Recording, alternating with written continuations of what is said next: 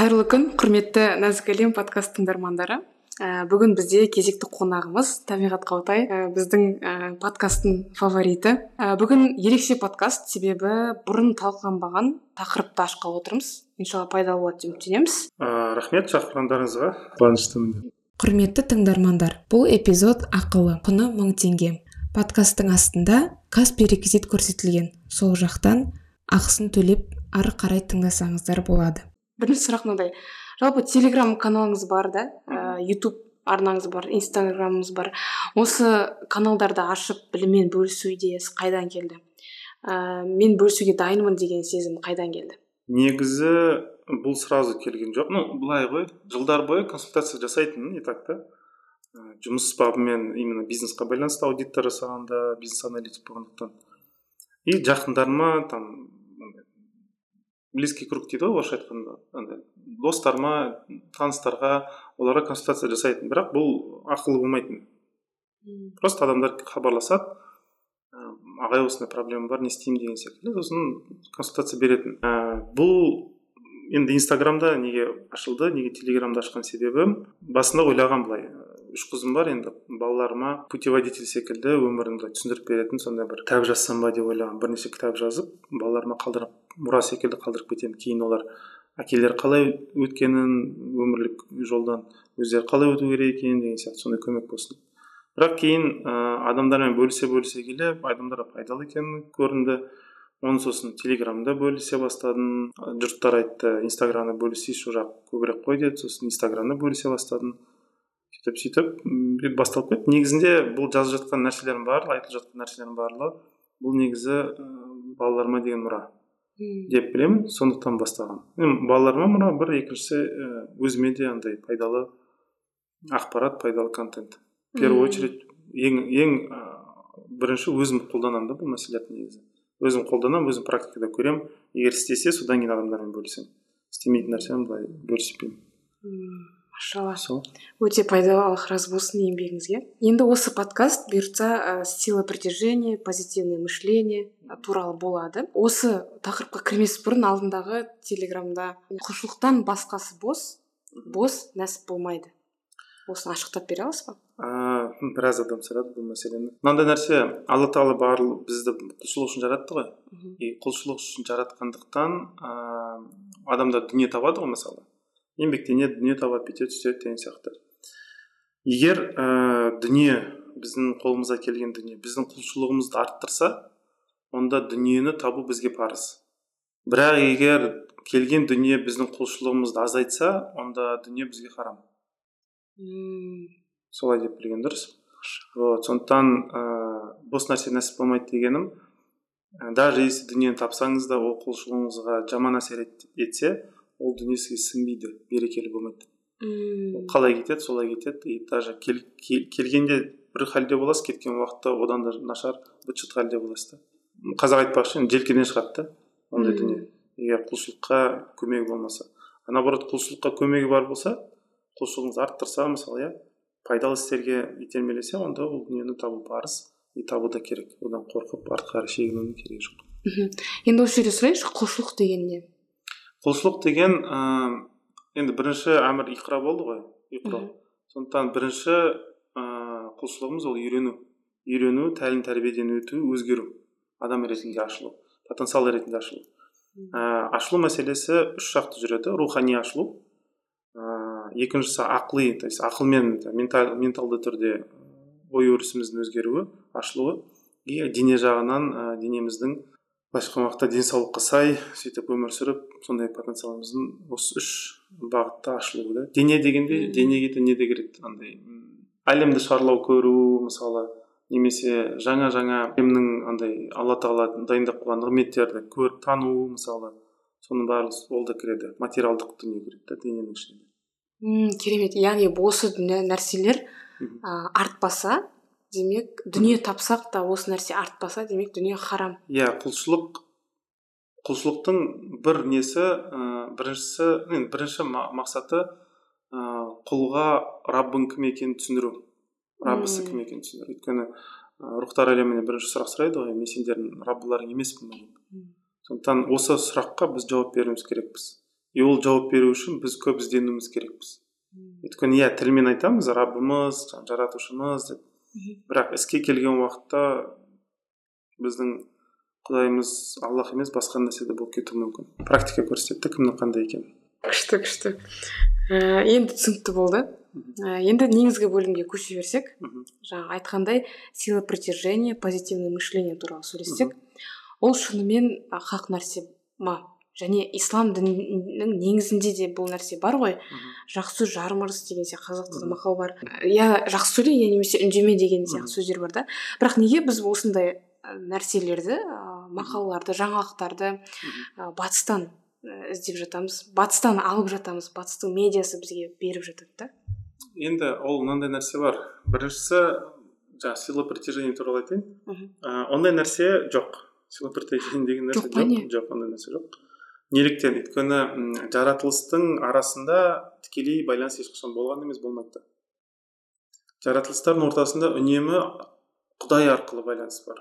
Ондай нәрсе жоқ потому что біз бір бірімізді жаратқан жоқпыз бізде ондай нәрсе жоқ мен құдайға барып мысалы байланамын иә құдайдан сосын барып басқа бір байланыс мысалы әйеліме түседі немесе достарыма немесе туыстарыма немесе анаған мынаған деген сияқты мен через құдай байланысамын да сондықтан притяжение деген нәрсе жоқ и бұл құранда аят бар ғой халіңді өзгертсең а өзіңді өзгертсең халіңді өзгертемін деген мм бұл жерде айтып тұрған жоқ қой мысалы халің өзгерсе а өзің өзгерсең халің де саған қарап өзгереді деп айтылмаған ғой. Мен өзгертемін дейді да. Сондықтан андай притяжение деп бүйтіп жоқ ол как будто екеуі бір біріне тартылатын секілді көрінеді бірақ ол көрінеді ғана. Ал негізінде алла тағала істейді оны. Ортасында алла иә екі нәрсені бір біріне қосады бірақ біз алла тағаланы көрмес көрмесек онда біз екі нәрсе бір біріне тартылған секілді көрінеміз да. Жоқ олай емес алла тағала екеуін қосты просто. Ол сондықтан притяжение деген нәрсе жоқ. Біз еш нәрсені тартпаймыз өзімізге. Біз эгоцентризмнан келген идея ол что біз ә, құдіретіміз бар күшіміз бар сондықтан біз тартып аламыз я к себе притянул деген жоқ ондай ол бос нәрсе. Біз қандаймыз соған байланысты алла тағала береді. Солай берген қаласа береді Иә, иә. Бірақ кейде алла тағала экстра да жасауы мүмкін экстра көмек секілді нәрсе. Кейде адам шынымен де жазаланамын жазаланайын деп тұрған жерінен алла тағала кешіріп жазаның орнына ыыы көмек жіберуі де мүмкін жаза деген уақытта енді біз ойлаймыз мысалы жазаланамын деп иә? Адам сөйтіп ойлайды бірақ алла тағала соның өзіне де қарамастан кешіріп өте жақсы бір кеңшілікті жіберуі мүмкін. Сол кезде құл ойлайды да а мен раббым туралы жаман ойлаған едім оказывается деп ой өзгереді да сөйтіп. А мен ойладым бар деп прикиньте осы уақытқа дейін сен мысалы жақсы нәрсе ойлайсың және ол нәрсе өмірде болады. Немесе жаман нәрсе ойлап немесе соны бір тартып алған секілді боламын жоқ да. біз тартпаймыз. Алла тағала біздің ойымызға қарайды да соны итереді бізге. Солай жұмыс істейді. Бір екіншісі құранда басқа бір аят бар.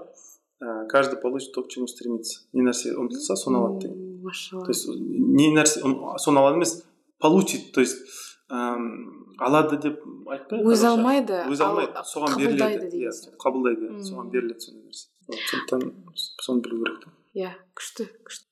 Енді болды подкастты өшіреміз деп. Бүткіл тақырып сол. әзіл. Енді екінші сұрақ мындай мен бір мақала оқыдым да осы подкаст дайындарда там сила мысли и- закон притяжения как формула успеха деген мақала. Бұл жақта ойдың м, нереально күші алапат күшін айтады. Тартылыс заңы заңын мысал ретінде келтіреді да. Және осы екеуі табысқа жетудің формуласы дейді да. Бірақ бізде мұсылмандарда просто тағдырға сенеміз ғой. Қалай бар соған сенеміз да. Сонда тағдыр мен ой күші бірдей ұғым емес пе? Әлде бөлек нәрсе ә, бірінші былай тағдыр біреу емес. Тағдыр біреу болмайды. Біз ойлаймыз тағдыр біреу деп. Жоқ олай емес. Оны қалай білуге болады? Мысалы ә, хазіреті омар радиаллаху халиф болған кезде ә, чума дейді ғой енді індетті ауру шығады да эпидемия шығады. Сол кезде ә, кейбір кісілердің ойы былай болады. Біз бұл жерден қашайық. Өйткені хадисте айтылған мынандай хадис бар? қай жерде чума бар сол жерге бармаңдар деген не бар? И қай жерде отырсаңдар сол жерде чума шықса ол жерден кетпеңдер деген. То есть былайша айтқан уақытта бұл не андай карантин ғой енді. Современный сөзбен айтқан уақытта сондай.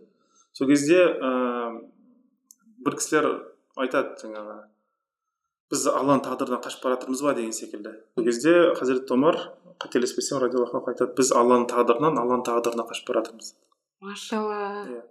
Өйткені екі тағдыр бар. Біреу апатқа қалу тағдыры бар. Иә шынымен де біз қалсақ өлеміз мысалы и құтылу тағдыры бар мысалы. Алла тағала сол жерде сондай не берген да вот соған осыған негізделіп айтқым келіп тұрған нәрсе мынау. Иә алла тағала бізге андай таңдау шешім қабылдау құқығын берген. Иә мысалы уақытша болса да берілген. И осы кезде біз ә, жақсысын таңдауымыз керекпіз да амалдар да бөлінеді ғой мысалы парыз үтір деп сосын барып ә, сүннет нәпіл деп бөлінеді ғой мысалы біз нені таңдауымыз керекпіз біз бірінші парыз таңдауымыз керекпіз одан кейін үтір одан кейін сүннет одан кейін нәпіл адам жиырма нәпіл жасап бір парыз жасамаса ол болмайды да оның орнын баспайды да мысалы әр нәрсенің өзінің орны бар иә конечно алла тағала мейірімінен кейбір хадистерде айтылады мысалы намазы толық болмаған адамның парыз намазы толық болмаған адамның нәпілдерінен толықтырылады деп айтылған бірақ бұл алланың өзі қалағандықтан ғана так біз өйтіп айта алмаймыз аллаға мен нәпілдерді главный жасадым ғой деген секілді парыз тастап кетіп олай болмайды сондықтан әр нәрсе өзі систематически орын орнымен жаратылған. Бір екіншісі алла тағала былай да істесең болады дейді былай да істесең болады дейді. Адам өзіне қалдырады бірақ екі, екі варианттың екеуінде де алла тағаланың қолында. Алла тағаланың құдіретінде алла тағаланың тағдырына жазылған. То есть алла тағала жазған тағдырдың ішінде екі вариантта да бар. Ол былай да бізді нете алады былай да нете алады иә тағдыр белгіленген алгоритм ретінде мысалы апатқа апаратын жол бар. Ол жерге мен кірсем мен точно апатқа кіремін деген сондай тағдыр жазылған алгоритм. И құтылу жолына кіретін болсам ол жерде де құтыламын деген сондай алгоритм бар да. Біз қай жолға кіреміз сол нәрсе бізбен болады да. Предопределение деген мәселе сол. Предопределение бұл уже жазылған алгоритмдар. Мына жол жамандыққа апарады деп бекітілген жазылған ол өшірілмейді. Мына жол жақсылыққа алып барады деп бекітілген жазылған ол өшірілмейді. Бірақ адам қайсысын таңдайды ол бекітілмеген. Ол нәрсені адамға қалдырылған. Бірақ ол біздің мына өмірде бекітілмеген. Біз оны хабарымыз жоқ біз не таңдайтынымыз. Бірақ алла тағаланың құзырында алла тағаланың құзырында ол бекітілген. Аллах тағала заранее біледі біз нені таңдайтынымызды. Сөйтіп білу керек та то есть алла тағала өткен өткенді қазірді келешекті одновременно көреді бір нүкте секілді. Бұл мысалы ойлаңыз мысалы алдыңызда паровоз тұр допустим да? Үш түрлі вагон бар. Бір бірінің бірінің артынан бірі біреуі өткен шақ біреуі қазіргі уақыт біреуі келешек шақ сіз вагон қараған уақытта үшеуін бірдей қарай алмайсыз бір вагонды ғана көріп тұрсыз. Бірақ жоғарғы дронмен мысалы көтерілген сайын көтерілген сайын сізге үш вагон уже бір нүкте бола бастайды. И сіз алыстан жер шарына қараған уақытта нүкте секілді көрінеді. Иә иә қайта жақындатсаңыз жер шарында неше түрлі құбылыстар бар да? Әртүрлі жерде де әртүрлі жағдайлар болып жатқан сол секілді алла тағала шексіз бізден алыс болғандықтан шексіз бізден пәк таза болғандықтан ол алыстан қараған уақытта бір нүкте секілді көреді біздің өмірімізді. Аллах үшін біз бір нүктеміз. Сондықтан аллах үшін уже барлығы белгілі барлығы жазылып қойған барлығы бекітілген болды. Не жоқ ондай андай болады болмайды ондай ондай аллах тағаланың андай құзырында ондай понятие ондай ондай ондай нәрсе жоқ ондай понятие жоқ. Ол біз үшін бар. Біз үшін бар өткен шақ біз үшін бар қазіргі шақ біз үшін бар келешек шақ деген сияқты. Бұлардың барлығы алгоритм алгоритм ретінде жазылған. Апатқа апаратын жолдар белгілі. Жақсылыққа апаратын жолдар белгілі құранда аяттар бар. Мына былай істесеңдер былай болады былай істесең былай болады. Бұның барлығы бұл уже жазылған. Алгоритм өзі өзгермейді былайша айтқан уақытта бірақ біз соның ортасында былай таңдау жасаймыз. Машалла. Сонда бізге тағдыр мен ой күші бірдей болуы мүмкін иә? Бірдей ұғым ба? Ә, ой күші деген нәрсе бұл иә бірінші сұраққа жауап. Екінші нәрсе былай ойдың күші жоқ. А ойдың күші ойдың күші жоқ. Бірақ біз ой ретінде аллах тағала былай істейді үнемі. Қалай десем екен? Өзінің құдіретін себептердің артынан жасырған алла тағала. Мысалы өзінің мейірімін жаңбырға жасырған. Біз ойлаймыз жаңбыр түсті сондықтан көк шықты деп олай емес. Алла тағала мейірімінен көк шықты негізінде. Бірақ ол жаңбырмен жасырған.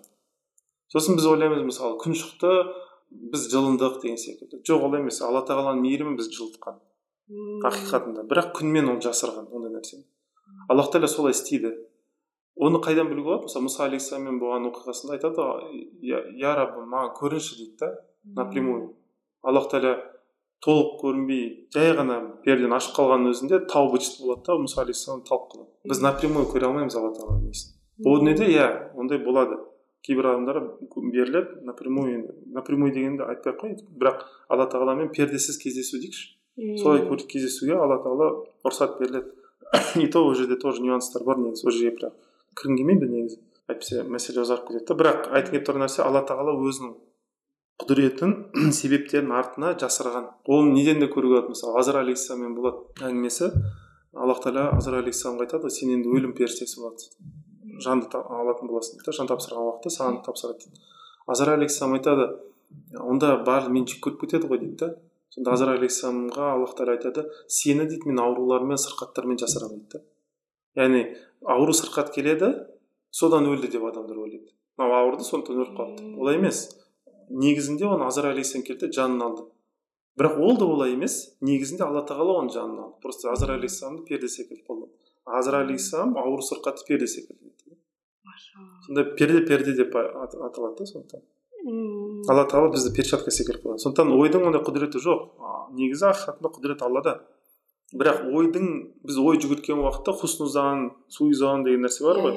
То есть жақсы ойлау жаман ойлау деген сияқты. Вот жақсы ойдың артына алла тағала мейірімін жасырған. А жаман ойдың артына алла тағала не? Әділеттілігін жасырған. Біз егер жаман ойласақ біз әділетті түрде бізге береді. Алла тағала қаһармен бермейді әділеттілігімен тозақ қаһарынан туған нәрсе емес. Тозақ әділеттігінен туған нәрсе туған дегенде андай мағынаны айтып тұрған жоқ туған кәдімгідей туған емес ойлап қалмасын христиандарда туған секілді айтқым келіп тұрған нәрсе андай иә әділеттілігінің көрінісі ол тозақ қаһарының көрінісі емес көп адам ойлайды қаһарынан жоқ олай емес алла тағала әділетті түрде әркімге өзінің нәрсесін береді сондықтан андай да сөз бар ешкім тозақта от жоқ дейді әркім өзінің отын өзі алып барады деген содан шыққан өйткені алла тағала әділетті нетеді да капец әркім өзінің отын апарады деген иә. ауыр екен. Құдай сақтасын? Сонымен ой күші деген жоқ. Жоқ ой күші деген жоқ. Бірақ ол бір себеп. ойдың артында тұрған аллах тағаланың мейірімі бар. Иә біз сол ой арқылы или алланың мейірімін или әділеттігін включаем. Сондай бір ол конечно включайся не включайся емес. Ол бақи ғой бірақ айтқым келіп тұрған нәрсе андай бір как будто бейне бір кнопкаға басқан секілді бір нәрсе бұл. Солай түсіндірейікші біраз иә, жеңілдеу иә. болсын. Жақсы оймен біз жақсылыққа алып баратын жолдардың кнопкасын басамыз. Жаман оймен жамандыққа алып баратын жолдардың кнопкасын басамыз. Машалла. Тіпті кейде біз жаман ойласақ та жақсы нәрсе аллах тағала сыйлауы мүмкін. Иә ол да ол бар иә. Ол экстрадан деп аталады. Экстра деген исключение ретінде андай алланың баршаға ортақ берілетін мейірімі бар рахман есімінен берілетін. Кәпірге де мұсылманға да барлығына мұнафыққа да беріледі деген сияқты. А бірақ рахим есімінен берілетін тек қана иман еткендерге деп берілетін мейірім бар. Ол кәпірлер мен мұнафықтарға уже берілмейтін мейірім. Ол өзгеше мейірім. Ол мейіріммен да кейде болады алла тағала адамды құлайын деп тұрған жерінен құтқарып алуы мүмкін. Бірақ ешкім айта алмайды неге оны былай істеді да басқаларына істемеді ол аллах тағала өзі біледі. Кімге оны беретінін ешкім айта алмайды. Аллах тағала өзі шешеді. Берсе де бермесе де. Ә, сонымен жақсы ойдың артында аллах тағаланың мейірімі жасырылады ғой. Солай біз тағдырды дұрыс тағдырды алгоритмін таңдай аламыз иә? таңдадық десе де болады иә. Дұрыс тағдыр таңдадық. Дұрыс тағдыр. Жаман оймен жаман тағдырды енді позитивный мышление туралы сөйлессек. Әркез позитивті сананы қалай сақтасақ болады? Екі нәрсемен. Біреу алладан кешірім сұрау екіншісі алланың есімдерін зікір ету. Ойлаңыз алдыңызда бір шелек тұр. Тесік тесік. Біріншісі оны тесіктен жамайсыз ол тәубе жаңағы кешірім сұрау екіншісі сумен толтырасыз ол жаңағы зікір етесіз тесік жаңағы шелек деген ол адам жүрегі. Машалла. Адам жүрегі тесік тесік болады күнәлардан и оны жамаудың несі тәубе етіп кешірім сұрау. Мысалы мынандай нәрсе былай мынандай бір эксперимент жасайықшы ментальный бір эксперимент. Допустим алла тағала он шақты бір жобаны жинады. Он шақты жобаны жинады и айтты қалаған жобаны таңда деді қалаған бизнесіңді таңда деді. Осы оның ішінен барлығы саған байлықты да бақытты да беремін деді. Енді сұрақ қайсысын таңдасақ маңыздылығы бар ма? Жоқ. Маңыздылығы жоқ. Неге өйткені бізге точно беремін деп тұр да? Бірақ? Бірақ біз неге таңдаймыз? Біз неге жобалардың арасында таңдаймыз? Мое дело деген нәрсе бар ғой мысалы. Менің ісі менің ісім емес өзімізге оңайын. Біз ықтималдықтарға қараймыз. Мына істе скорее всего қырық процент ақша бар. Мынада скорее всего отыз процент мынада скорее всего тоқсан процент прибыль келеді деп ойлаймыз да. Ықтималдықтарға қарап таңдаймыз. И ол не деген сөз? Демек біз алла тағаланың бізге беретініне күмәніміз бар. Сондықтан біз таңдаймыз. Сахабалар туралы айтады ғой мысалы. Басында иә сахабаларда болды. Мысалы ыыы хазірет каб малик радиаллаху анху секілді сахабалардың оқиғалары бар. Егін пісетін хұрма пісетін кезеңдерде неге жорыққа шақырылады адамдар? Сол кезде мұнафықтар ана мына сылтауратып үйде қалғысы келеді да и сол кезде бір екі сахаба болады екі үш сахаба болады. Мұнафик емес олар олар кәдімгідей шынымен де ықыласты сахабалар бірақ шынымен де бір оқиғалар болады да үйлерінде сөйтіп қалады и жорықтан қалып қояды кейін қатты сол үшін өкінеді ұзын бір оқиға вот ә, сондықтан басында иә сахабаларда енді оларды алла тағала тәрбиеледі ғой олар барлығы сразу бір күнде сахаба болып кеткен жоқ қой біртіндеп біртіндеп олар отырды оларды қарайды мысалы допустим пайғамбар мынаны былай істейміз деген уақытта кейбір сахабалар ойланып қалатын. А қалай оны істейміз деген секілді. То есть андай әлі точно сенбейді да болады дегенге а кейінгі жылдарда мысалы сахабалардың несі мүлдем басқаша болған? Оларға пайғамбар саллаллаху алейхи вассалам жау келе жатыр десе бір ақ қана сұрақ сұрайды қай жақта? деп болды. Қалған нәрсені сұрамайды да мысалы. Ол жеңеміз бе жеңбейміз бе оның қару жарағы қанша оның саны қанша аты бар ма аты жоқ па оған қарамайды жаяу жүр ма қарамайды вот адамның иманы сондай адамның иманы кәмілденген сайын ол точно біледі немен айналысса да алла тағала беретін немен айналысса да. И алла тағала құлы сөйтіп ойлағандықтан мен солай көрінемін деген нәрсе бар ғой хадис вот құлы сөйтіп ойлайды соны бере салады. Болды. Сондықтан біз таңдайтын себебіміз өйткені біз іске сенеміз алла тағала беретін емес. Егер біз айтсақ е мына іс болмайды дейтін болсақ негізі оның ақиқатында артында тұрған сөз былай алла тағала бұған бермейді мен сенбеймін деген сөз.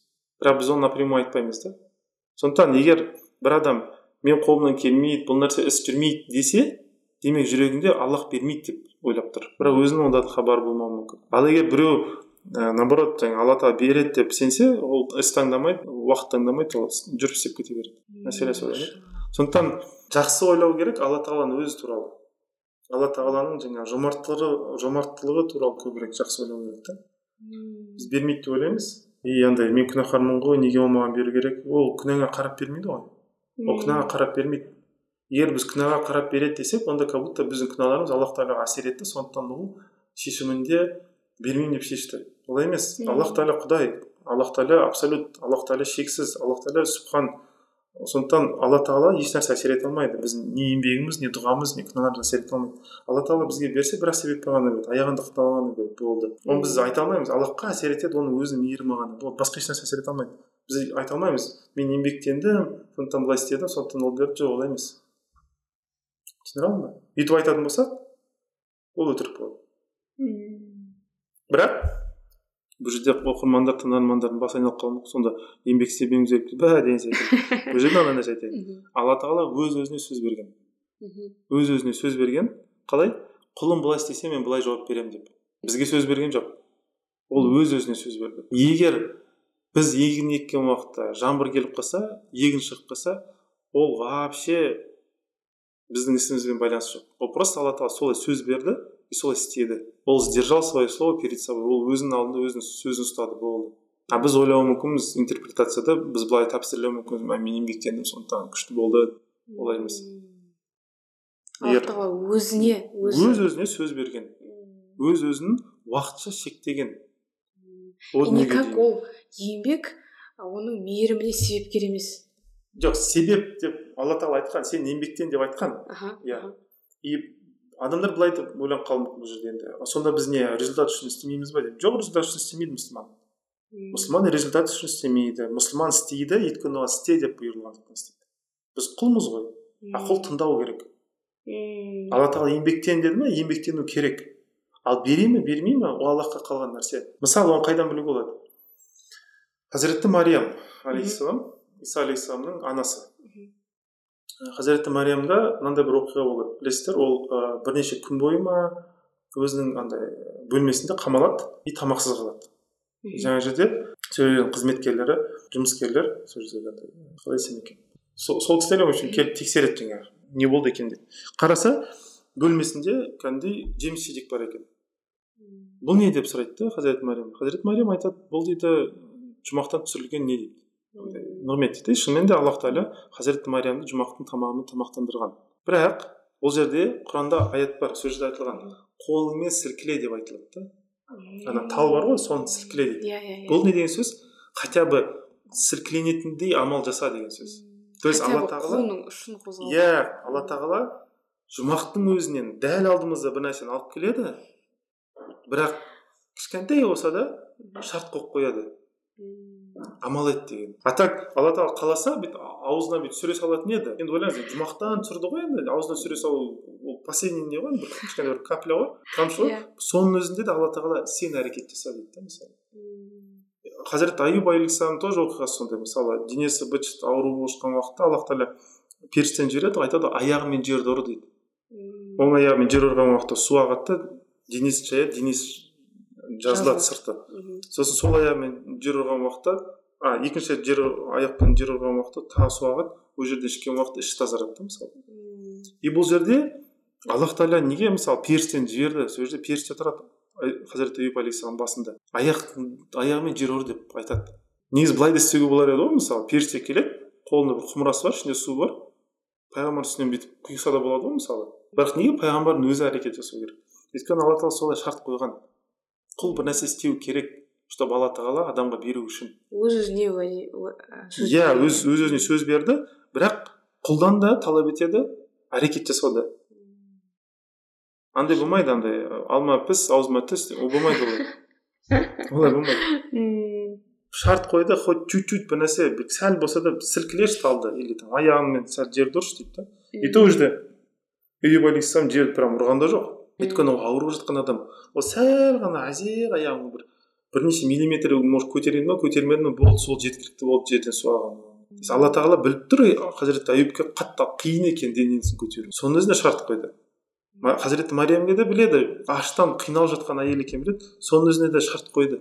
Бір әрекет жасашы деген сияқты. Бұл ана не бар ғой анекдот бар ғой? О дүниеге адам түседі ғой маған көмек болмады десе мысалы ана не кемені да жібердім ананы да жібердім сол секілді нәрсе. Адам хотя бы бір әрекет жасау керек та. Сондықтан егер былай ә, жинап жинап келетін болсақ алла тағала ешқашан адамға еңбегіне қарап күнәсіне қарап лайықсың ба лайық емес оған қарап бермейді. Аллах тағалаға ондай нәрселер әсер етпейді. Аллахқа әсер етеді тек қана өз мейірімі ғана берсе мейіріммен ғана аяғандықтан береді. Бірақ өз өзіне сөз берген менің құлдарым былай істесе былай істеймін былай істесе былай істеймін деп жақсылық жасаса жақсылықпен жауап беремін жамандық жасаса әділеттілікпен жауап беремін деп сөйтіп уәде берген.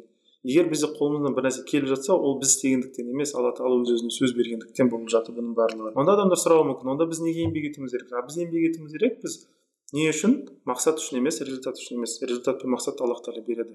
Біз айта алмаймыз мен әсер еттім результат болды жоқ олай емес. Процесс үшін ғана ма. Иә біз процесске кіруіміз керекпіз процесспен ғана айналысу керекпіз неге өйткені біз құлмыз құл не істеу керек тыңдау керек жасау керек сосын просто жасау керек көп сөйлей бермей соңына даже уайымдамау керек ол аллахқа деген ой жүгірту береді бермейді деп біз субханаллахтыңға қарама қарсы нәрсе ол субханаллах дедік па пәк таза дедік па все бітті осымен нүкте қойылу керек уже өтірік қойылып сосын а вдруг бермейді деген нәрсе болмайды екінші үшінші вариант деген жоқ. Бір ақ вариант қана бітті береді или жаман онша емес береді деп те ойламау керек қой иә жоқ жақсы ойлау керек. Алла тағала туралы үнемі жақсы ойлау керек. Машалла машалла. Е мындай айтып қалдыңыз ғой аллах тағала туралы үнемі жақсы ойлау. Бізде қазақта мақал бар ғой. Жаман айтпай жақсы жоқ сондай адамдар бар да өскен сондай мысльмен мышлениемен и всегда бірінші жаман ойлап қалуы мүмкін.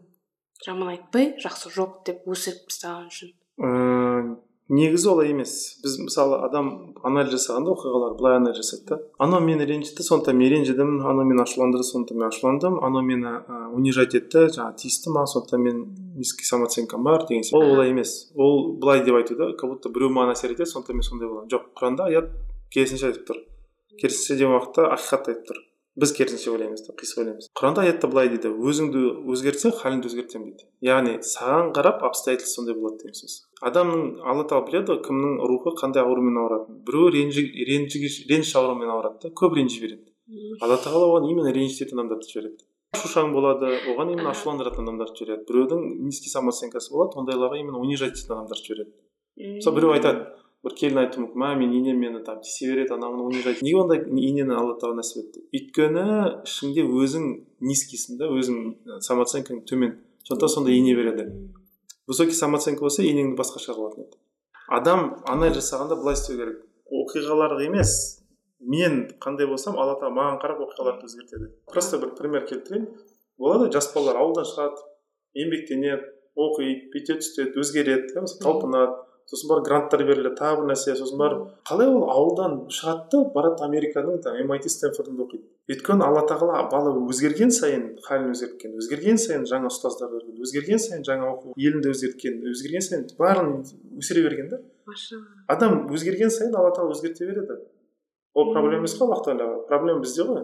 Бағандай мәселе ғой. Бесті мен алдым екі мұғалім қойды деген сияқты. Алла тағала алла тағаланың қолында барлық құдірет бар ол проблема емес өзіңе қарашы в общем деп айту керек адамға. Мм мынаны бірақ қабылдау біраз қиын болуы мүмкін адамдарға. Мхм.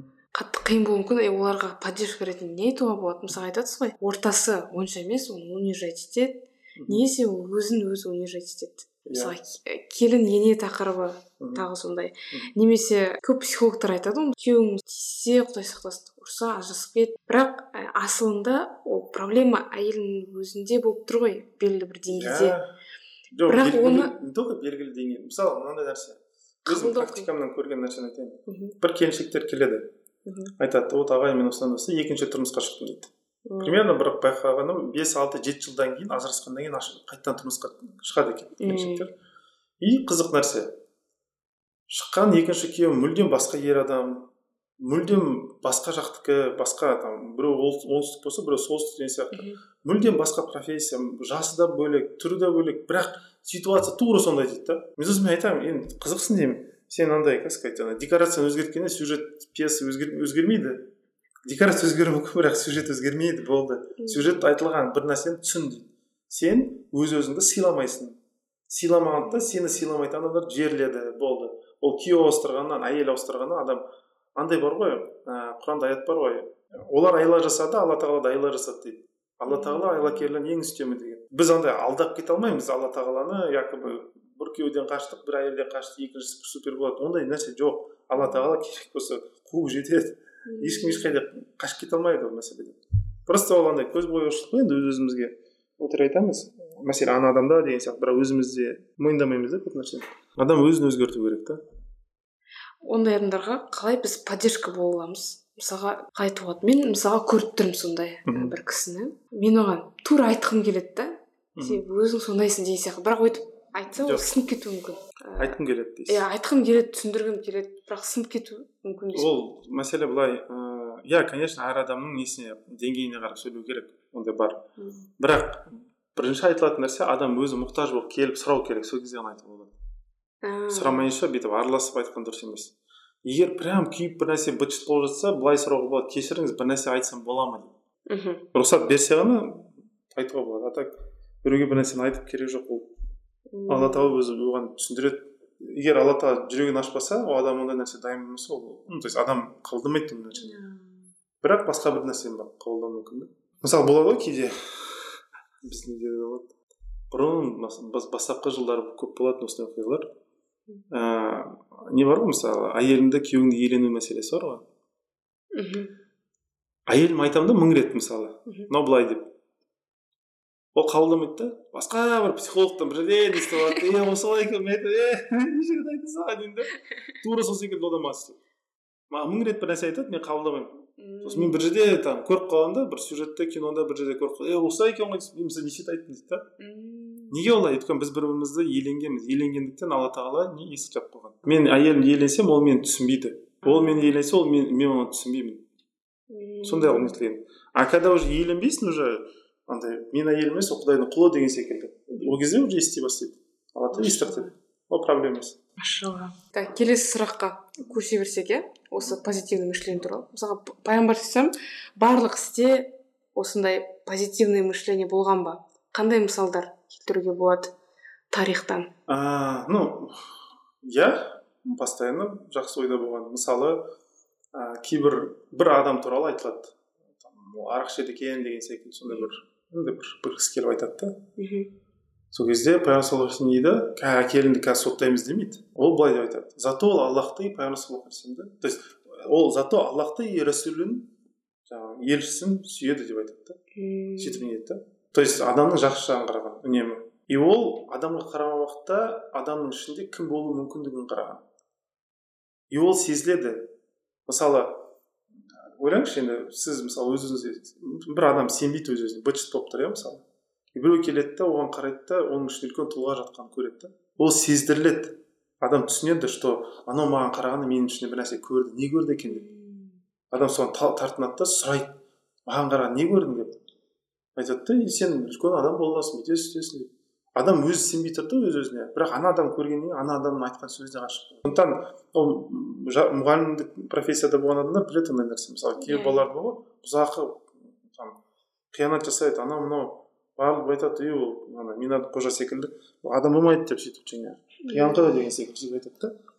Бірақ бір мұғалім келеді да ол баланы мысалы гүлдетіп жібереді да неге өйткені ішіне қараған уақытта ол жаңағы дәннен қандай орман шығатынын ағаш шығатынын білген да вот сондықтан иә пайғамбар саллаллаху алейхи вассаламның мышлениесі самый позитивный мышление. Өйткені былай да айтуға болады мысалы миғражға көтеріледі жеті қабатқа. Во первых пайғамбар саллаллаху алейхи ол жерде жұмақты көрді. Енді жұмақты көрдім болды.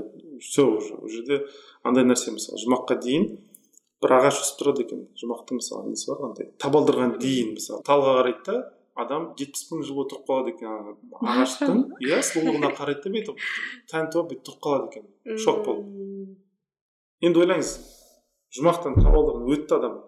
И каждый ағасын, ағаштың жанында жетпіс мың жыл тұрады да жетпіс мың жыл. Пока ортасына жетемін дегенше ол қаншама нәрсені көріп тастайды да ол уже. Сондықтан масштаб сондай да енді былайша айтқанда пайғамбар саллаллаху алейhi көреді оның барлығын бірақ не дейді үмметім үмметім дейді жерге түседі да үмметін басқаша қалай түсіндіруге болады пайғамбар саллаллаху алейhi аяды адамдарды.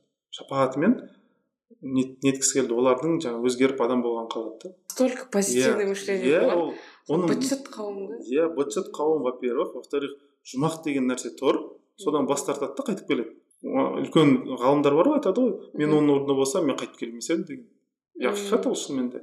Пайғамбар саллаллаху алейхи вассалам басқа ешкім қайтып келген емес еді. Адамзат тарихында ешкім қайтып келген емес еді. Сол себепті пайғамбар саллаллаху алейхи вассалам ғана сондай сынақтан өткен любойымыз ол жерде барамыз а все болды. Қайтпайыншы деп отырып аламыз. Не істесем болады қайтпас үшін деп па? Иә. түсінікті күшті. Ағашқа байланып қаламыз ғой жерде енді ііі пайғамбар туралы айтып болдық. Енді түп тамырымызға енді кез келген адам өзінің түп тамырынан ата бабасының жүріп өткен жолынан шабыт алады ғой. Сол үшін осы қазақ тарихында халқымыздың ойлау санасы қандай болды? Болашақтан жақсылық күту деген нәрсе бұрыннан бар нәрсе ме еді қанымызда бар нәрсе ме еді? Бар нәрсе еді онда қалай көруге болады? Адамды әрекет қимылына байланысты түсінікті болады ғой. Біздің бабаларымыз неге батыр бола алды? Ол жақсы ойлағаннан. Өйткені мысалы жорыққа жібереді бір ана баласын иә мысалы бір баласын емес бірнеше баласына жібереді. Бала туу мысалы саны көбірек көбірек еді да қазіргі екі үш бала емес. Кәдімгідей жақсы туатын еді. И сол кезде мысалы бірнеше баласын жібереді. Ол қай жаққа кетті қай елге кетті қай жорыққа кетті мысалы білмейді ғой мысалы. Жақсы ойламаса қалай жібереді ол жерге? Жібереді иә и бізде неге қазір батырлар шықпайды өйткені аналар баланы жібергісі келмейді жанында етегінің несінде сөйтіп жанында жүр деп нетеді да. Вот. а ол уақытта батырлар неге шықты өйткені аналар жібере алды. Мен бұл жерде барлық аналарды тіреп тұрған жоқпын бірақ ең көп баланы артқа тартатын ана сезімі бар.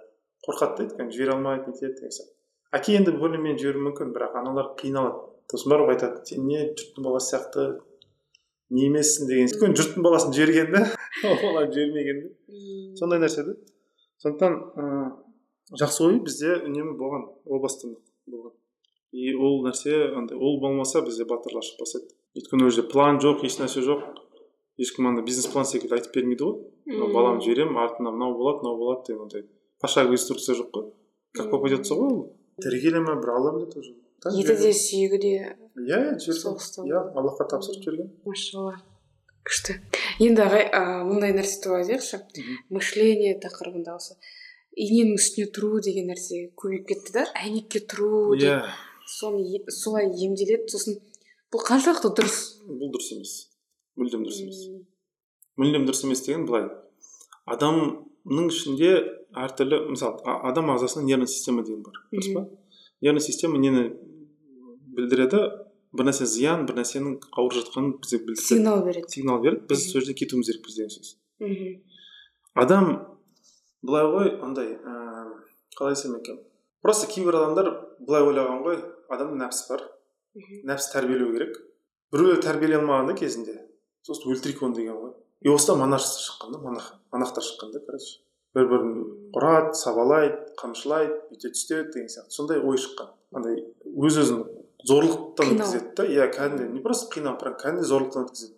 Кәдімгі өздерін ұрайды нетеді бар ғой неше түрлі дін өкілдерінің ондай нелері соның бір бір формасы десе де болады. Яғни қазіргі жиырма бірінші ғасырдың адамдары соншалықты қорқып үйреніп алды нәпсілері мойнына шығып алды. Сондықтан ол нәпсі нету үшін тежелеу үшін артқа нету артқа тежелеп артқа тартсақ сол кезде адам бақытты болады деген концепттен шығып ал нәпсі қалай істейміз вот давай шегенің үстіне тұрайық. Мәселесі содан шыққан да. Бірақ ол негізі зиян. Неге зиян? Во первых нәпсі өйтіп тәрбиеленбейді бір. Екіншісі өйтіп адамды прям оятып жібермейсіз мәселесінен. Шынымен де адам күнә жасайтын болса ол құдайдан қорықса ғана артқа тартылады. А так барады да өзін там втихаря өзінің істегісі келетін нәрсе істейді. Ол екі. Үшіншісі ә, адамның ә, особенно әйел затына бір жері ауырып тұр ма шыдауға болмайды.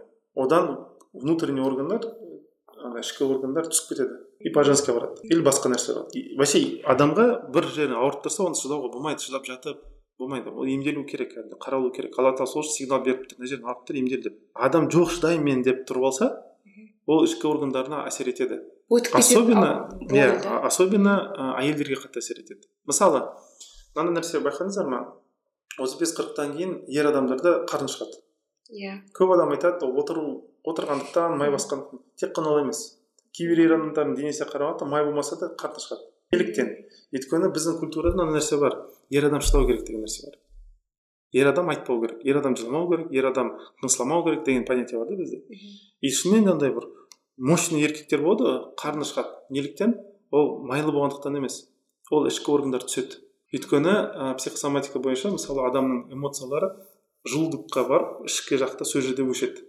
То есть адам эмоция шықты оны шығару керек та экспресс ол должен пережить дейді ғой былайша ол нәрседен өту керек та ол. Ауырып тұр ма шынымен де ауырып тұр енді. Деп бүйтіп ол болмайды да ол өйтіп істейтін болса ол мына ішкі неге ұшқырлы жаққа қарай ұрады ол бір рат екі рат сөйтіп накопительный эффект дейді жиналып жиналып келіп ең соңында органдар түсе бастайды.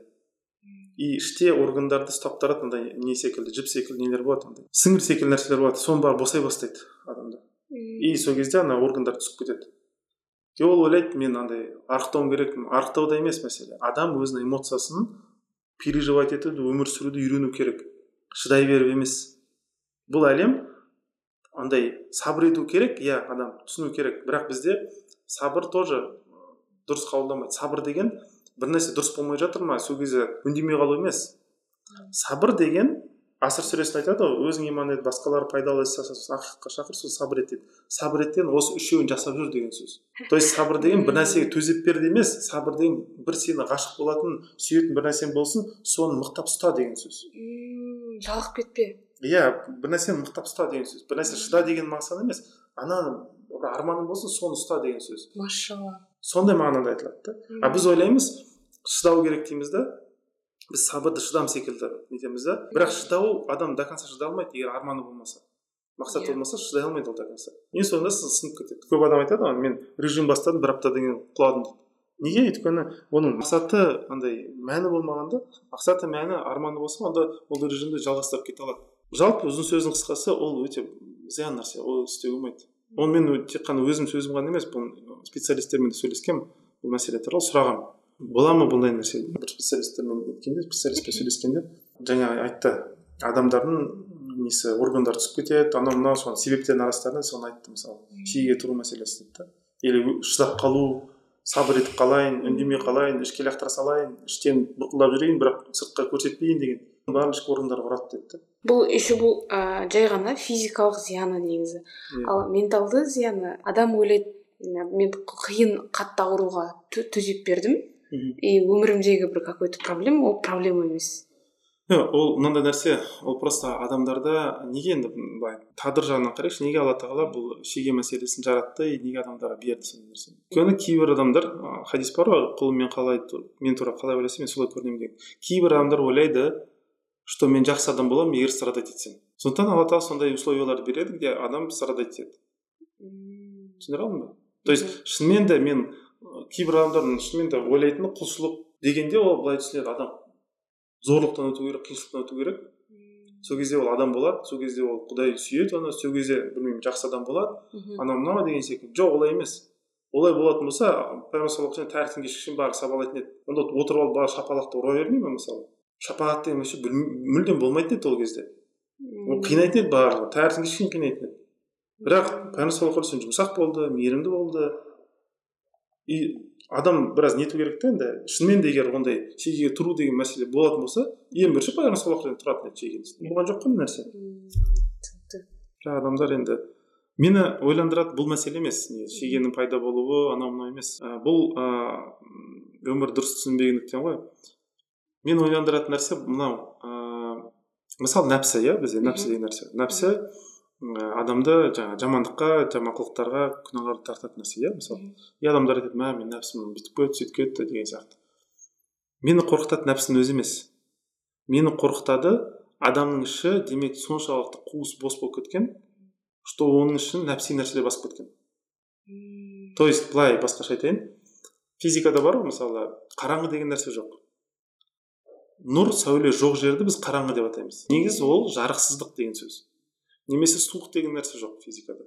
Ол просто жылусыздық деген сөз бірақ біз суық деп атаймыз да. Сол секілді ә, күфір деген нәрсе жоқ кәпірлік деген нәрсе жоқ. Ол имансыздық негізі. Иман болмаса сол, сол жерді біз күфір деп атаймыз да. И айтқым келіп тұрған нәрсе мынау. Мысалы бір адам барады да күнә жасайды қателік жасайды. Қорқытатын ол емес. Иә нәпсі и так күнә жаса деп айтып тұрады. Мәселе ол ең қорқынышты мәселе ол емес. Қорқынышты болып тұрған ол аллахты не пайғамбар сүймейді. Жеткілікті что барады да бос нәрсеге жұмсайды өзін. Сондықтан қорқылу керек нәпсінің өзінен емес. Қорқылу керек аллахқа деген махаббатымыздың болмағанынан қорқылу керек. Жүрегімізде демек мысалы жүз процент жүрек деп айтатын болсақ демек қырық проценті елу процент әркімде әртүрлі бір какой то бір проценті бос. Ол жерде махаббат жоқ аллахқа деген. И сол бос жерді нәпсі толтырып алған болды. И қалаған нәрсені жасайды. Сондықтан біз егер шынымен де ақиқат бізді ба, не бақытқа неге ә, кәмілдікке итермелейтін ә, жетістікке жеткізетін ислам дінін түсінбесек соны көрінген нәрселердің артынан ер- ерігіп жүреміз. Ананы көріп мынаны көріп соның ішінде бір не бар бақыт бар деп шұқылап сонымен страдать етіп жүреміз да мені қорқытатын там андай ол қорқытпайды анау мода болып кетіпті мынау мода болып кетті бір уақытта ана бір келіншек қызыл жіпті нетті ғой мысалы сатты ғой мысалы. а- аластаттым бүйттім сөйттім. Мені қорқытатын нәрсе ол емес. Ондай ол всегда ол болып тұрады ондай оқиғалар. Ол адамзат тарихында үнемі андай адамдарды алдайтын арбайтын неше түрлі нәрсе шығып тұрған. Ол арамшөп секілді нәрсе ол біреуін жұлсаң екінші шығады деген сияқты. Ол шыға береді. Бірақ мені қорқытатын ойландыратын нәрсе адамдардың іштерінде аллахқа деген махаббат сыйластық деген нәрсе жоқ. Болмағаннан кейін сосын барып ол жүреді анадан көмек сұрайды жұлдыздардан көмек сұрайды. Білмеймін ана табиғат құбылыстарынан көмек сұрайды. Әйтеуір бір нәрседен сұрайды да жүреді әйтеуір бір пұты бар да былайша айтқан уақытта сол жер сол жер бізде қоғамымыздың қиын жері. Бос қалуымызда жүрегімізде қуыс тым жоқ сол жаман Иә. ауыр айтсам кешірім сұраймын. Иә. Адамдар түсінген шығар деп ойлаймыз. Және жүректі толтыру керек. Жарықпен жылумен басқа қараңғылыққа суыққа орын қалмайтындай иә. Иә. е мындай сұрақ қояйыншы психологиялық терапиялардың түр түрі шығып жатыр ғой. Сонда дегенмен адамзаттың дерті бірдей сияқты. Емдеу түрлері де бірдей бола ма әлде? Әртүрлі бола ма? Ә, негізі жаңағы бірінші мәселе жаңағы бұрын болған неме Шеге. шегеден шығып тұр ғой. Адамдар құдай танымаса шайтан неше түрлі нәрсе үйретеді оған ана метод мына метод деген секілді. И кетеді сосын адам іздейді. Болды ғой фрейд шықты.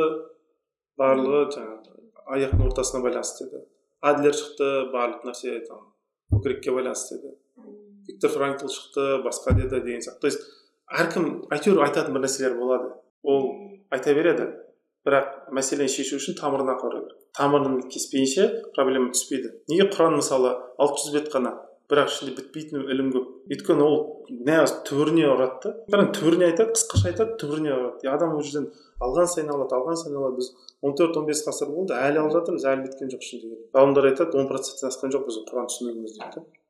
Әлі кө- көрмейтін білмейтін неше түрлі ғылымдар бар дейді да ішінде. Білім бар дейді да ілім.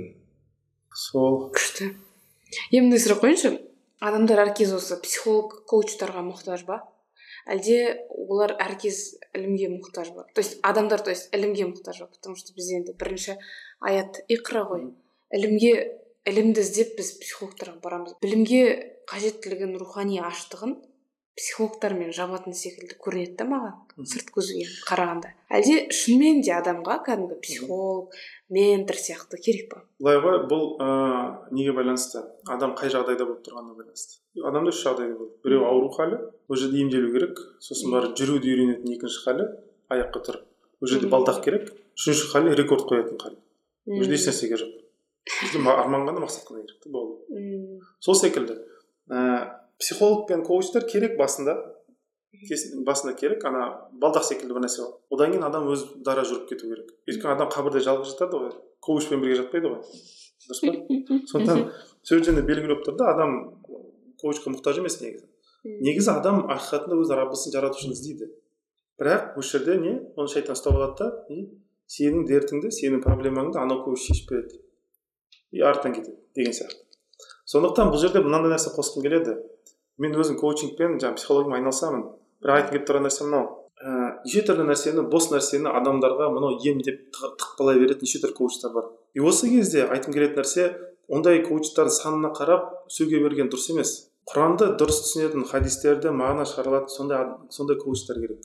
Сондай коучтар болса ғой андай бос нәрсені тықпалайтын коучтар болмайтын өйткені өтірік пен ақиқатты алла тағала айтады екеуін айырдық дейді. Өтірік ешқашан ақиқаттың орнын баса алмайды.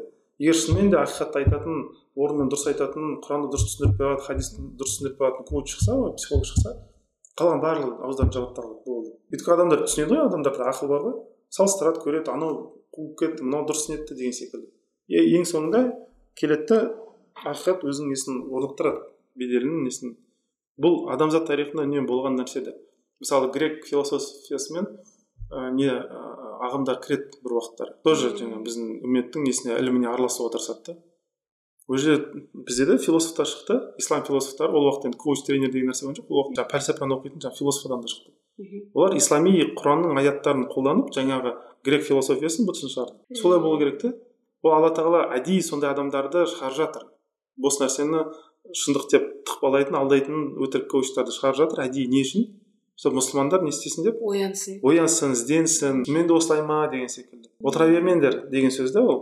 Машалла. Алдарында тұрған құранды ашыңдар оқыңдар зерттеңдер оларға айтатын бір аргументтер болсын. Сол болу керек те біз тыпыршып бір нәрсе ояту мақсатында болып шыққан нәрсе. Күшті күшті мотивация болды. Сондықтан егер шынымен де құранды түсініп ақиқаттарды ішіне сіңіріп хадистерді түсініп ол жерден дұрыс мағына шығарып сөйтетін адамдар саны өте аз қазір. Сондай адамдардың саны көбею керек. Кәдімгі сондай ақиқаттарды талқылайтын сондай орталықтар да керек негізі. Отырып алып андай көрінген өсекті талқыламай шынымен де стоящий нәрселерді талқылайтын адамдар керек та. И ол адамдар ең соңында халқымызды вообще елімізді келешекке болашаққа жаңағыдай итермелеп жетістікке жеткізу керек та. Дегенмен ақиқатты ақиқат деп түсіндіріп беретін адамдарға біз қай заманда да мұқтажбыз иә? Әрине. Мысалы қожа ахмет яссауидің шығу себебі де содан. Көңілде мұқтаж болды сондай тұлға сол уақыттың адамдары. Сондай ұстазды алла тағала жаратты. Үнемі сондай болып тұрады. Арыстан баб неге шықты? Өйткені мұқтаждық болды. Бұхар жырау неге шықты? Өйткені мұқтаждық болды. Алла тағала мейірімді ғой. күшті. И сондай тұлғалар шығарады күшті. Енді ә, негізгі бөлімнен бөлімнің соңғы бір сұрағы. Кейде біз асығып өмір сүретін сияқты көрінеді көрінеді да. Неліктен олай өмір сүреді адамдар асығып. Және қалай асықпай андай өмірдің барлық дәмін тәттісін бүйтіп алып күшті өмір сүруге болады асығыс салыстырудан. Анадан қалып бара жатырмын ел жұрттың баласынан қалып бара жатырмын анам айтып еді жұрттың баласы секілді болмайсың ба? деп. Сосын жүгіреді. Ол содан болады. Қазіргі адамдар бақытты болғысы келмейді. Қазіргі адамдар көршімнің бақытынан менің бақытым көбірек болсын дейді. Соны бақыт деп санайды. Біреуден асып түсуді бақыт деп санайды. Өз өзін ойламайды ол басқа біреуді ойлайды да. Басқа біреудің бақытын ойлап жүреді бірақ жомарт болғандықтан емес қызғанғандықтан сондықтан асығыс содан болатын нәрсе. А неге біз неге адамдар ойлайды? Өйткені ыыы самооценка дейді ғой былайша айтқан уақытта. Өз өзіне деген сыйластығы аз. Өз өзін сыйламайды. Өзі маңызсызбын деп ойлайды. А басқаларды маңыздылы басқаларда деп ойлайды. И басқалар туралы көп ойлай береді. Бірақ өзі маңызсыз деп ойлайды. Егер шынымен де өзі маңызды деп санаса бірінші өзі туралы ойлайды асыр сүресінде айтқандай өзің бірінші иман ет деген сияқты асыр сүресі айтады өзің сен бірінші өзің маңыздысың дейді өзіңді құтқар дейді содан кейін салих амал жаса басқалар пайдалы амал жаса дейді а бізде олай емес. Кейде болады ана консультацияларда. Адамдар айтамын мысалы бес или он адамды айтшы жұмаққа кіргізетін мысалы алла тағала рұқсат берсе саған жұмаққа кіргізтуге кімді кіргізер едің деп. И айтады ана адам мына адам там әжем атам бауырым сіңілім қарындасым анау мынау дейді да сосын барып кім жоқ десем? А ойбай өзім жоқ екен ғой дейді өзі списокқа салмайды да. Ол дұрыс емес өзі де спискте болу керек та бірінші өзі болу керек иә. Негізі иә асыр сүре сөйтіп айтады. Күшті. Негізгі бөлім аяқталды бізде. Жалпы рахмет. Жақсы жақсы подкаст болды деп ойлаймын. Пайдалы болсын иншалла. Енді блиц сұрақтар айдары. Күшті сұрақтар дайындап келдім. Құрметті достар бұл эпизодтың ақылы екенін тағы да еске салғым келеді. Реквизит төменде көрсетілген. Көркем тыңдағандарыңызға рахмет. Бірінші сұрақ. Әр адамға бір психолог керек дейді. Сіздің психологыңыз кім? Былай айтайын менің жолдасым менің жарым иә. Бірінші менің психологым сол. Психологым дегенде енді иә ақылдасқанда неткенде сонымен көп көп нәрсе сөйлесемін. Жалпы айтқан уақытта оған айтатын нәрселердің тоқсан проценті сыртқа шықпайды. он ақ процентін ғана посттарда прямой эфирлерде қалған тоқсан тоқсан үйде қалады неге үйде қалады көп адам түсінбейді ондай нәрсені. Мен әйелімнен басқа андай көп адам түсіне алмайды ондай нәрсені алла тағала өзінің мейірімінен сондай бір әйел берген ыыы түсінеді ол. Мен өзім ұстап ұстамаймын короче андай. Ол түсінбейді алады ғой деген. Енді әке, әкесі де енді профессор академик өте ақылды кісі математик. И әйелім де сондай а так ә, екі рет болды. Мысалы төребек ағайға барып екі рет ақылдасқаным болды. Ол өтірік емес ол рас ақылдастыңыз ақылдастым. Иә консультациясын алған ондай болды екі рет вот біреуі семьяма байланысты болды біреуі ыыы психологиялық карьерама байланысты. Екі, екі рет ақылдасқаным болған. Біреуі болды екі мың жиырма бірінші жылдың декабрінде ғой деймін. А жоқ өтірік айтамын екі мың жиырмасыншы жылдың декабрінде болды. Бірінші кездесуіміз бірінші танысуымыз. Болды. Күшті. Енді иә күшті. Енді екінші сұрақ мынадай ә, біз баланы емес бала бізді тәрбиелеуге келеді. Деп сіз де бір подкастыңызда. Айтып қалдыңыз. Сіздің балаларыңыз үйреткен бір қасиет. Сізге үйреткен. Ой ондай қасиет көп ондай қасиет көп қой. Ең үлкен үйреткен қорықпау. Менің қыздарым вообще қорықпайды ғой.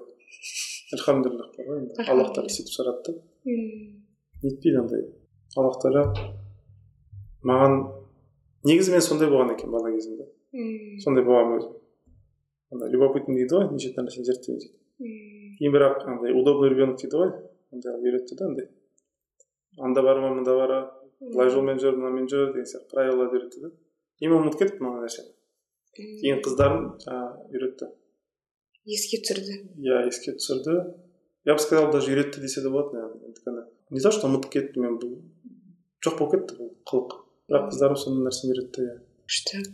Қорықпауды и жоқ деген нәрсені соңғы жауап емес жоқ деген адам бір күні иә деп те айтып қалуы мүмкін соны үйретті өйткені мен бір нәрсені жоқ істеме деймін да мысалы сұрай берсе жарайды жарайды. Өйткені қоймайды ол сұрай береді сұрай береді.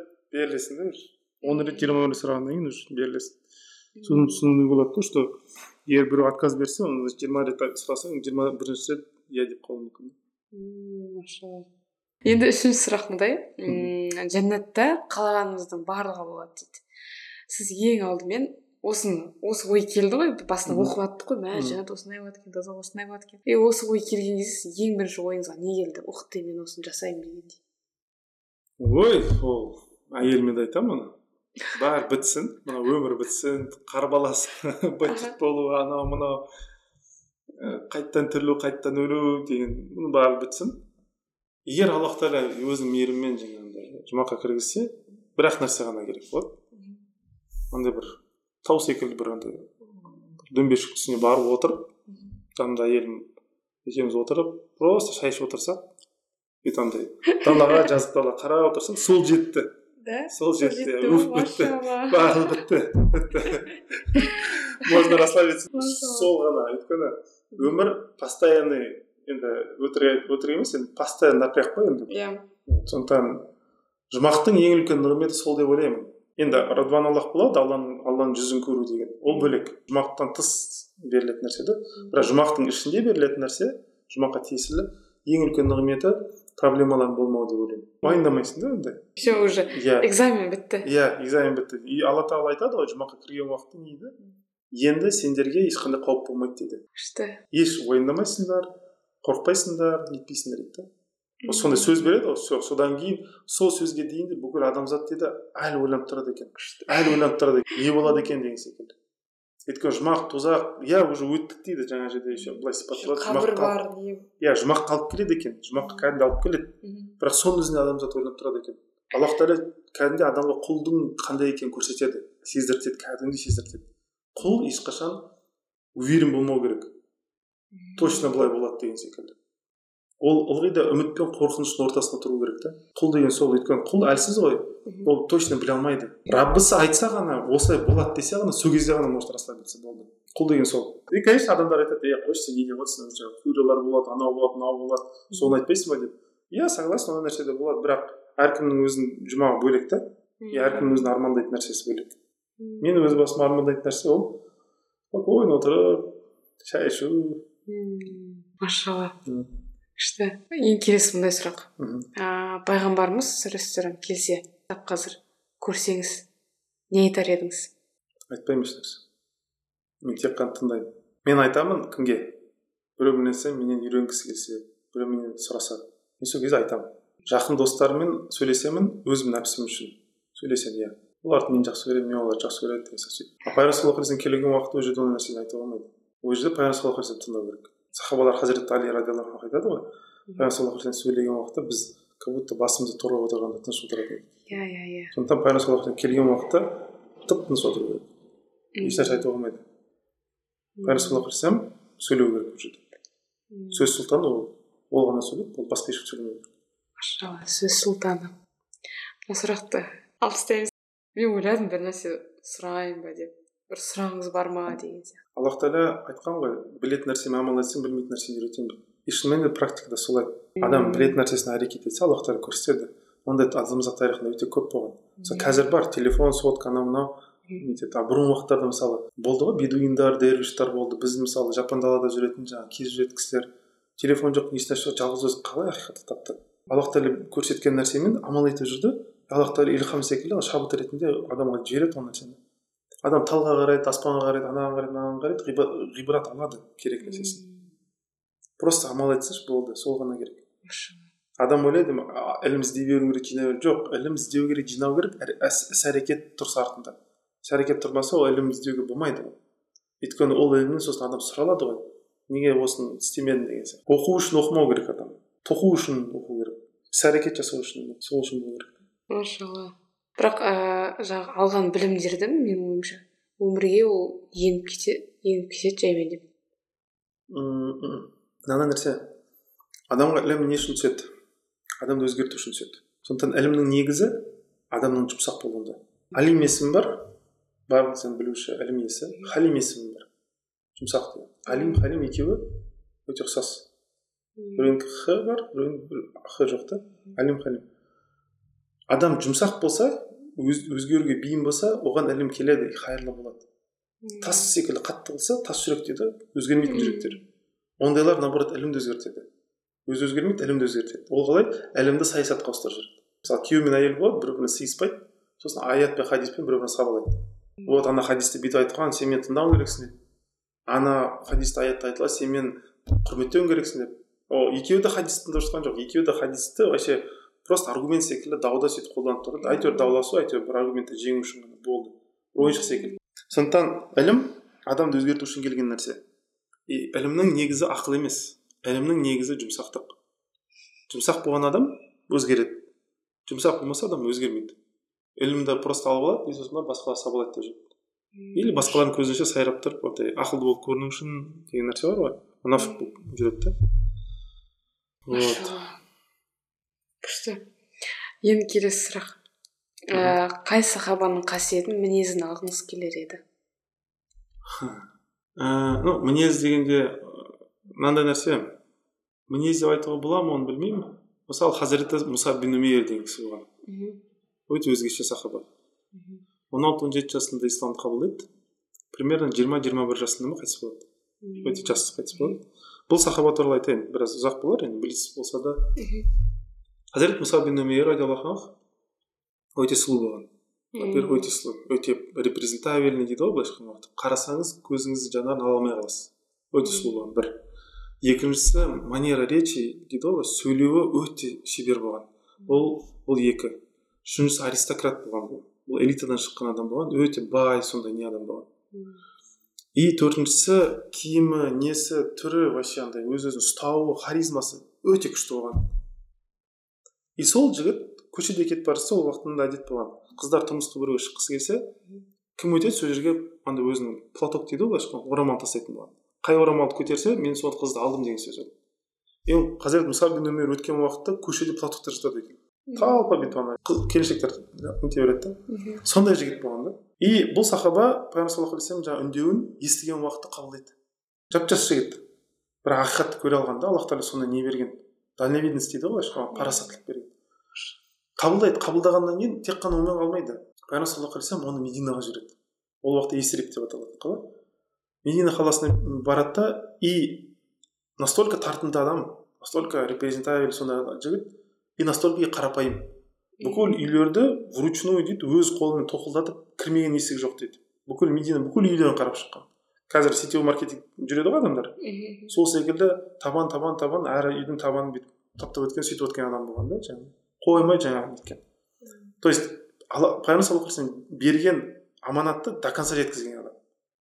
Андай жоқ мен ана бүкіл үйлерді қа- қарамай ақ қояйын сәл қарадым адамдар қабылдамады жоқ ондай емес до конца жүрген соңына шейін бүкіл адамдар сөйлескен.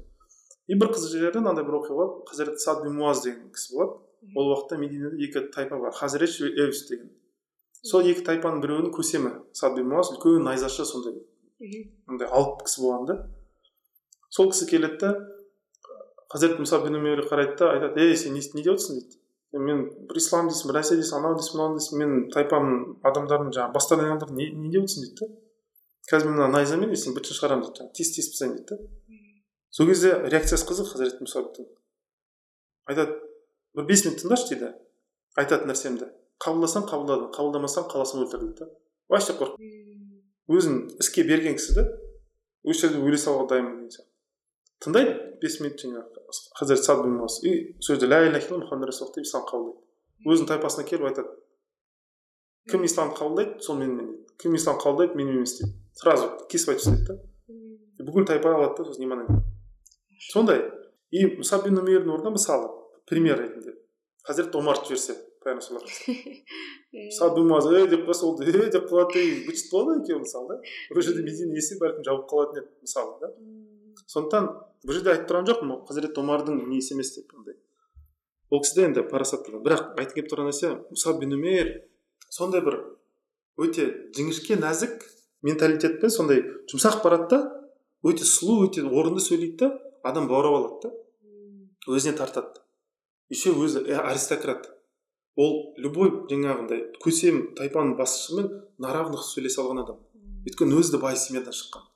Ол дүниеге анау бүйтіп қысылып қалмайды езіліп қалмайды. Ол этом қарапайым? қарапайым иә, сондай жігіт та вообще өте өзгеше. Бұл бір иә екіншісі. Енді бұл кісі ухудта қайтыс болады. Екінші соғыста пайғамбар саллаллаху жанында қайтыс болады. Сол кезде бір хадис бар. Сол жерде ей мұсап деп айқайлап қалады пайғамбар саллаллаху алейхи сол кезде біреу тұрады да бұрылады да мен мұсап емеспін дейді. Сол кезде ыыы пайғамбар саллаллаху алейхи вассалам түсінеді что хазіреті мұсаптың қайтыс болған оказывается аллах тағала ол жерде ғалымдар айтады бір періштені жіберген дейді. Мұсаптың хазірет мұсаптың кейпінде соғыс соғыссын деп сөйтіп жіберген екен да. Сондықтан ыыы пайғамбар саллаллаху алейхи мұсапты ойлап қойған енді хазіреті мұсаптың ыыы өлгені қалай? Қолында ыыы не болады по моему ту бола ма сондай бір нәрсе болады? Или қылыш бола ма найза бола ма бір нәрсе болады ту ғой деймін. Есім есімде жоқ қазір. Сол кезде пайғамбар саллаллаху алейхи төтеп қалған уақытта лобовой атака дейді ғой былайша айтқанда. Қарама қарсы келіп қалған уақытта оң қолын ұстап қалады бүйтіп. Оң қолымен ұстайды біреу алады да жаңағы мүшриктердің біреуі алады. Қолын оң қолын шолып жүреді жаңағы несінен қол жоқ оң қол жоқ. Бір кезде ол алады да жаңағы нені туды сол қолына алады да сол қолын тартып қалған уақытта сол қолынан шолып жүреді сосын ыыы ең қиыны аналар уже көріп тұр да мұсаптың екі қолы жоқ. И бұлар бұны айналып пайғамбар барып пайғамбар өлтіреміз деп сөйтіп ұмтылып қалған уақытта ыыы хазірет мұсаптың басқа ыыы альтернатива ретінде берері жоқ мойнын созады екен бүйтіп. Сосын сол кезде мойнына шауып жүреді. Енді ә, бұл жерде бір қызық нәрсе. Құлаған уақытта бетімен жерге құлаған екен. Жерге бүйтіп қарап құлаған екен да. Кейін бұл оқиғаны пайғамбар саллаллаху тарқатады. Неге? Бетімен жерге құлаған. Ислам несінде енді мен бірінші орында пайғамбарлар тұрады алейхисаламдар одан кейін тұрады жаңағы ғалымдар тұрады иә мысалы. Одан кейін шахидтар тұрады одан кейін жаңағы әділетті басшылар тұрады одан кейін өзінің жаңағы байлығын ислам жолында жұмсаған сондай бай кісілер тұрады деген сияқты. Сондай сондай әділетті саудагер деген секілді сондай уровеньдер бар да былай дәрежелер бар да. И қарасаңыз шахид болу әркімнің арманы. Даже халифтердің өзі мысалы шахид болуды армандаған ол шынымен де арман берілген. Хазіреті омарға да берілді хазіреті османға хазіреті алиға да берілді мысалы үлкен бір мақам ол үлкен бір дәреже. Бірақ мұсаб бин умейр ол дәрежеден де жоғары бір нәрсені істеп қойды. Ол оказывается бетпен жерге құлаған себебі қысылды дейді. Аллахтың алдына барған уақытта аллах былай сұраса не істеймін деп ұялған екен. Қалай сұраса сен қай дәтіңмен өліп пайғамбарыңды қорғансыз қалдырдың защитасыз қалдырдың деп айтып қала ма? деп қорыққаннан сөйткен то есть ол өлуге ұялып тұр. Түсіндіре алдым ба? Өлуге ұялып тұр. Біз наоборот шахид болсақ шахидтер болған біз демей ақ қойсақ біз емес. Именно батыр адамдар шынымен де қазір егер шахид болатын біз любойымыз қорқып қаламыз ғой но шынымен батыр адамдар иә которые шынымен шахидтықты аңсаған сондай сахабалар олар өлуге аңсап тұрған кісілер да а бин умейр хазіреті да ол кісі ұялған өліп өліп кетуден пайғамбардың алдында өліп кетуден ұялған ол ойлаған егер өліп кетсем неге пайғамбарымды менің рәсулімді жалғыз қалдырдың деп айта ма деп ұялған да? Түсіндіре алдым ба бұл вообще другой уровень бұл вообще басқа уровень да бұл. Бұл шахидтікте емес ол уже. Білмеймін бұны қалай аталатынын. Нәрсе адамдардың барлығы бүкіл үмметтің барлығы шахид болуды армандайды а ол кісі жоқ ол емес. Ол өлуден ұялған. Пайғамбар саллаллаху алейхи защитасыз қалдырып қаламын өйткені лобова атакаға келген уақытта пайғамбар саллаллаху алейхи вассалам мушриктердің ортасында тұрған кісі болған да бұл. Мені өлтіру өзін ойлап тұрған жоқ ешнәрсені ойлап тұрған жоқ пайғамбар саллаллаху алейhi өтіп кете ме деп қорқып тұр ана. Кольцо алып өтіп кете ме деп қорқып тұр сондықтан бұл бүкіл беретін берді енді адами несі бар енді қолын берді екі қолын берді мойнын берді тағы не бар енді беретін нәрсесі жоқ соның өзіне ұялып тұр бәлкім соның құрметіне періште иә енді ол аллаху алям конечно. Просто ғалымдар осы мәселені тарқатқан уақытта сондай нәрсе айтады да мен білмеймін бүйтіп басқа мен хадистерде супер бір ілім бар деп айтпаймын. Көп хадис білмеймін де. Айналдырамын может максимум бір жүз шақты хадис оқыған шығармын білмеймін енді. Бірақ айтқым келіп тұрған нәрсе мынау. Тағы бір оқиға болады. Бір кісіні бір сахабаны тоже ұстап алады ыыы өлтірейін деп жатқан уақытта жылайды. Басқа бір қауым адамдар сол кезде неге жыладың? Өлімнен қорқып жыладың ба дейді да. Жоқ дейді да.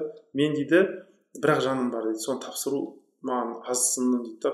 Қалар едім дейді. Шашымның ыыы несіне көлемінде жандарым болып барлығын алланың жолында берсем ғой дейді сондай да бар да мысалы. Бірақ ол сахаба да өзгеше сахаба. И ол сахабаны өлтіргенде андай қыз, қыздырылып тұрған май шыжғырылып тұрған қазан қыз пісіріп өлтіреді да ол кісіні ол өте азапты қылып өледі енді шынымен де жаңағы.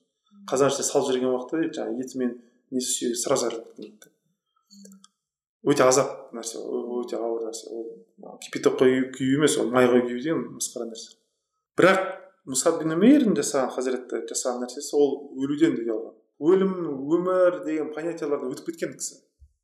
Сондықтан мен ол кісінің мінезін былай қалаймын ананы демеймін просто айтқым келіп тұрған нәрсе ыыы қызығамын енді. Шынымен де ондай өйтіп ойлау деген тем более он жеті он сегіз жастағы жап жас бала. Иә мысалы. Сөйтіп ойлап тұр да мысалы сол кезде. Тағы не бере берерім жоқ. Содан ұялады да вот сондықтан солай енді күшті өзгеше бір сахаба ерте келді ақиқатқа ерте оянды ерте кетті өте сұлу өмір сүрді да вот именно аллах тағала джемил есімін өте көркем берген да хазірет мұса сұлулығы да сөзі да дикциясы да адам сөйлеген уақытта әдебі да киімі де түрі де ойы да жап жас та еще үлпілдеп тұрған сондай жап жас жігіт ешбір әйел көрмеген ешбір не нетпеген сондай пәк таза да қызық күшті иә бұрын кітаптан оқығанда басқаша ашылған еді қазір басқаша ашылып отыр енді соңғы сұрақ ә, жәннатта ең алдымен өзіңізбен бірге кімді көргіңіз келеді кімді көргім келеді білмеймін шын айтсам өйтіп айта алмаймын мен ойлаймын мен кімді сыйлаймын үлкен кісілер деп мысалы адамдар деп олар барлығы болатын сияқты. Бірақ мен өзім боламын ол өмірмен да сондықтан мына кісі болса екен деп. Енді конечно қалайсың ата ананың болғанын там жарыңның болғанын жаңағы балаларыңның болғанын. Бірақ прям мынау деп білмеймін оны. Машалла. Енді ағай бонус ретінде бір тақырыпты айта салайықшы. Бес он минут алатын шығар. Мана біз подкасттың алдында айтып қалдық қой. Сол өте әдемі өте әдемі әңгіме ай- айттық. Соны подкаст оқырмандары үшін де бір қайталасақ. Айттыңыз ғой нағыз ер адам ол істің соңында сөз қозғайды. А, ер адам так так мен сұрақ қойып жіберейін осы жерде. Нағыз ер адамның қасиеті. Нағыз ер ер адамның қасиеті ол былай ә, жасалу керек істі уже жасап қойған кісі. Мм уже жасап қояды. Бітіріп қояды. Үйге келеді шай ішіп отырады үндемей. И то айтпайды и да. айтпайды да. Айтпайды. Істегені несін айтпайды? Бірақ үйден сыртқа шыққан уақытта елден не істейсіз? А сен күйеуің мынаны істеп қойыпты мынаны істеп қойыпты бүйтіп қойыпты сөйтіп қойыпты сондай адам ол. И ер адам нағыз ер адам ол түріне қараған уақытта түсінесіз что бұл- бүкіл істі бітіріп қойған. И сіз уайымдамайсыз. Ер адамның жүзі сондай болады. Ер адам жүзіне қараған уақытта уайым кетіп қалады сізден. Ертең не болады жағдайымыз қалай болады ондай вообще ойлар кетіп қалады. Ер адам деген сондай ер адам орысша айтқан надежность дейді ғой железобетон былайша айтқан уақытта. Түріне қарайсыз бітті іс, іс біткен ол уже. Сіз ұйықтап жатқан уақытта тұрып барып істеп қойған уже. Ол сондай адам ер адам деген сол өкінішке орай енді ондай мен өзім ондай емеспін сайрап отырмын бірақ и ондай адамдар өте саны аз. Но ер адам бүйтіп көп армандамайды. Ер адам көп талқыламайды ер адам көп бүйтіп мыжымайды. Ер адам көп сөйлемейді мен сияқты. Ол істеп қояды болды. Отырады үйде болды. А енді әйелі қандай десек ондай адамның әйелі қандай болады? Иә. Өте жеңіл әйел. Нағыз әйел адам жүзіне қараған уақытта сіз демаласыз. Жүзіне қарайсыз и просто демаласыз. Ол нағыз әйел адам жеңілдікпен ассоциация болатын адам. И тыныштық табасыз иә тыныштық табасыз келесіз тыныштық. Анау ер адам барлығын бітіріп қойды үйіне келеді. Шайын ішіп от- ішіп отырады әйеліне қарап отырады демалады. Әйел ерінің жүзіне қарайды да түсінеді что барлық нәрсе бітіп қойған Хорошо. вот нағыз семья деген сол. Әйеліне қарайды да демалып отырады спокойно. Барын ісін бітіріп қойған ойланбайды да уже. А күйеуіне қарайды да точно біледі что үйдің сыртында барлық істелу керек мәселе бәрі шешіліп қойған болды енді осы жерде бір сұрақ қояйыншы қалай осындай состояниеге жетуге болады? Былай айтайын ыыы жетудің мәселесі былай. Қысқаша если айтатын болсам алламен қарым қатынасы түзу болса адамның сол жағдайға жетеді. Алла тағала жеткізеді точнее жетеді емес алла тағала сол жерге жеткізеді. Адам қанша қаншалықты алладан алыстай басса өзінің табиғатын түсінбейді өзінің мақсатын түсінбейді не үшін жүргенін білмейді бос нәрселерді оқи береді бос нәрселерді тыңдай береді ананың артынан еліктей береді мынаның артынан жүгіре береді көрінгенге жүрегін ашып ғашық бола береді алдана береді бүйте береді сөйте береді. В общем сондай болып кетеді да. Тек аллахтан басқа ақиқат жоқ бітті аллахтың өзі рас сөзі рас деп айтады ғой сол секілді алланың сөзінен басқа еш, ешбір ақиқат жоқ болды. Адамның алдында шексіз көлемде жолдар бар. Соның біреуі ғана аллахқа алып барады қалған барлығы шайтанға алып барады. Болды. Ақиқат біреу ғана. Аллах тағала четко айтқан и ол ақиқатты ешнәрсемен шатастыра алмайсыз. Адам біледі ол. Мынау точно айта алады мынау ақиқат деп айта алады ешбір адам білімі бар білімі жоқ қойшы болсын ауылда жүрсін там цивилизацияны көрмесін телевизор көрмесін сотка білмесін но оған ол ақиқат естісе ол түсінеді мынау мынау точно шын айтып тұр деп айтады. Любой адам нетеді ол ақиқат сондай нәрсе ақиқатқа біздің көңіліміз реакциясыз қалмайды. Естіген уақытта любой адам көңілі а деп тоқтап қалады пауза жасап бүйтіп ойланып қалады. Ол андай өте салмақты нәрсе ақиқат деген өте салмақты нәрсе. Өйткені алланың сөзі ешбір жаратылыс жоқ алланың сөзін естіп та өтіп кеткен. Обязательно пауза жасайды. Обязательно ойланып қалады. Ақиқат сондай әсерлі нәрсе. Бірақ кейін өтіп кетсе ол өзінің ғафлетіне байланысты. Ғафлет деген в виду жүрегінің тастығына байланысты. А так не дейді алла тағаланың несі дейді? Жаңағы қаһарын естіген уақытта даже тастардың өзі дірілдейді а, таулардың өзі күтіледі деген нәрсе бар ғой. Сол. Сондықтан просто егер адам алла тағалаға жақындаса онда өзінің табиғатына да өзінің жаңағы өздігіне қайтып келеді. Өзегіне қайтып келеді. Тамырына қайтып келеді. Ал егер алыстаса ол кетті. Қалай жақындаймыз құлшылық арқылы иә? А жақында екі жолмен екі нәрсе болу керек. Жаңа айттым ғой бірінші тесіктерді жамау екіншісі толтыру. А все тесіктер жамау кешірім сұрап. Тәубе ету әлсіздікті мойындау алланың алдында өзіне көп алмау құлдық рөлден шықпау. Екіншісі зікір ету. Үнемі алламен байланысты болу үнемі алламен ыыы алланы ғана ойлау. Алламен аллалы болу былайша айтқанда. Қазақша ондай сөз бар оның то есть андай кумиры деп қалай десем екен. Полностью поглощенный дейді ғой орысша еріп кеткен алланың нұрына ерген. иә нұрына және несіне махаббатына еріп кеткен адам болу керек. Иә сразу болмайды ондай нәрсе. Бірақ болмасына ұқсап қалды деп тырыса беру керек. Адам бір күні тас жүректі еруі мүмкін да иншалла. Күшті күшті подкаст болды деп үміттенемін. Иншалла.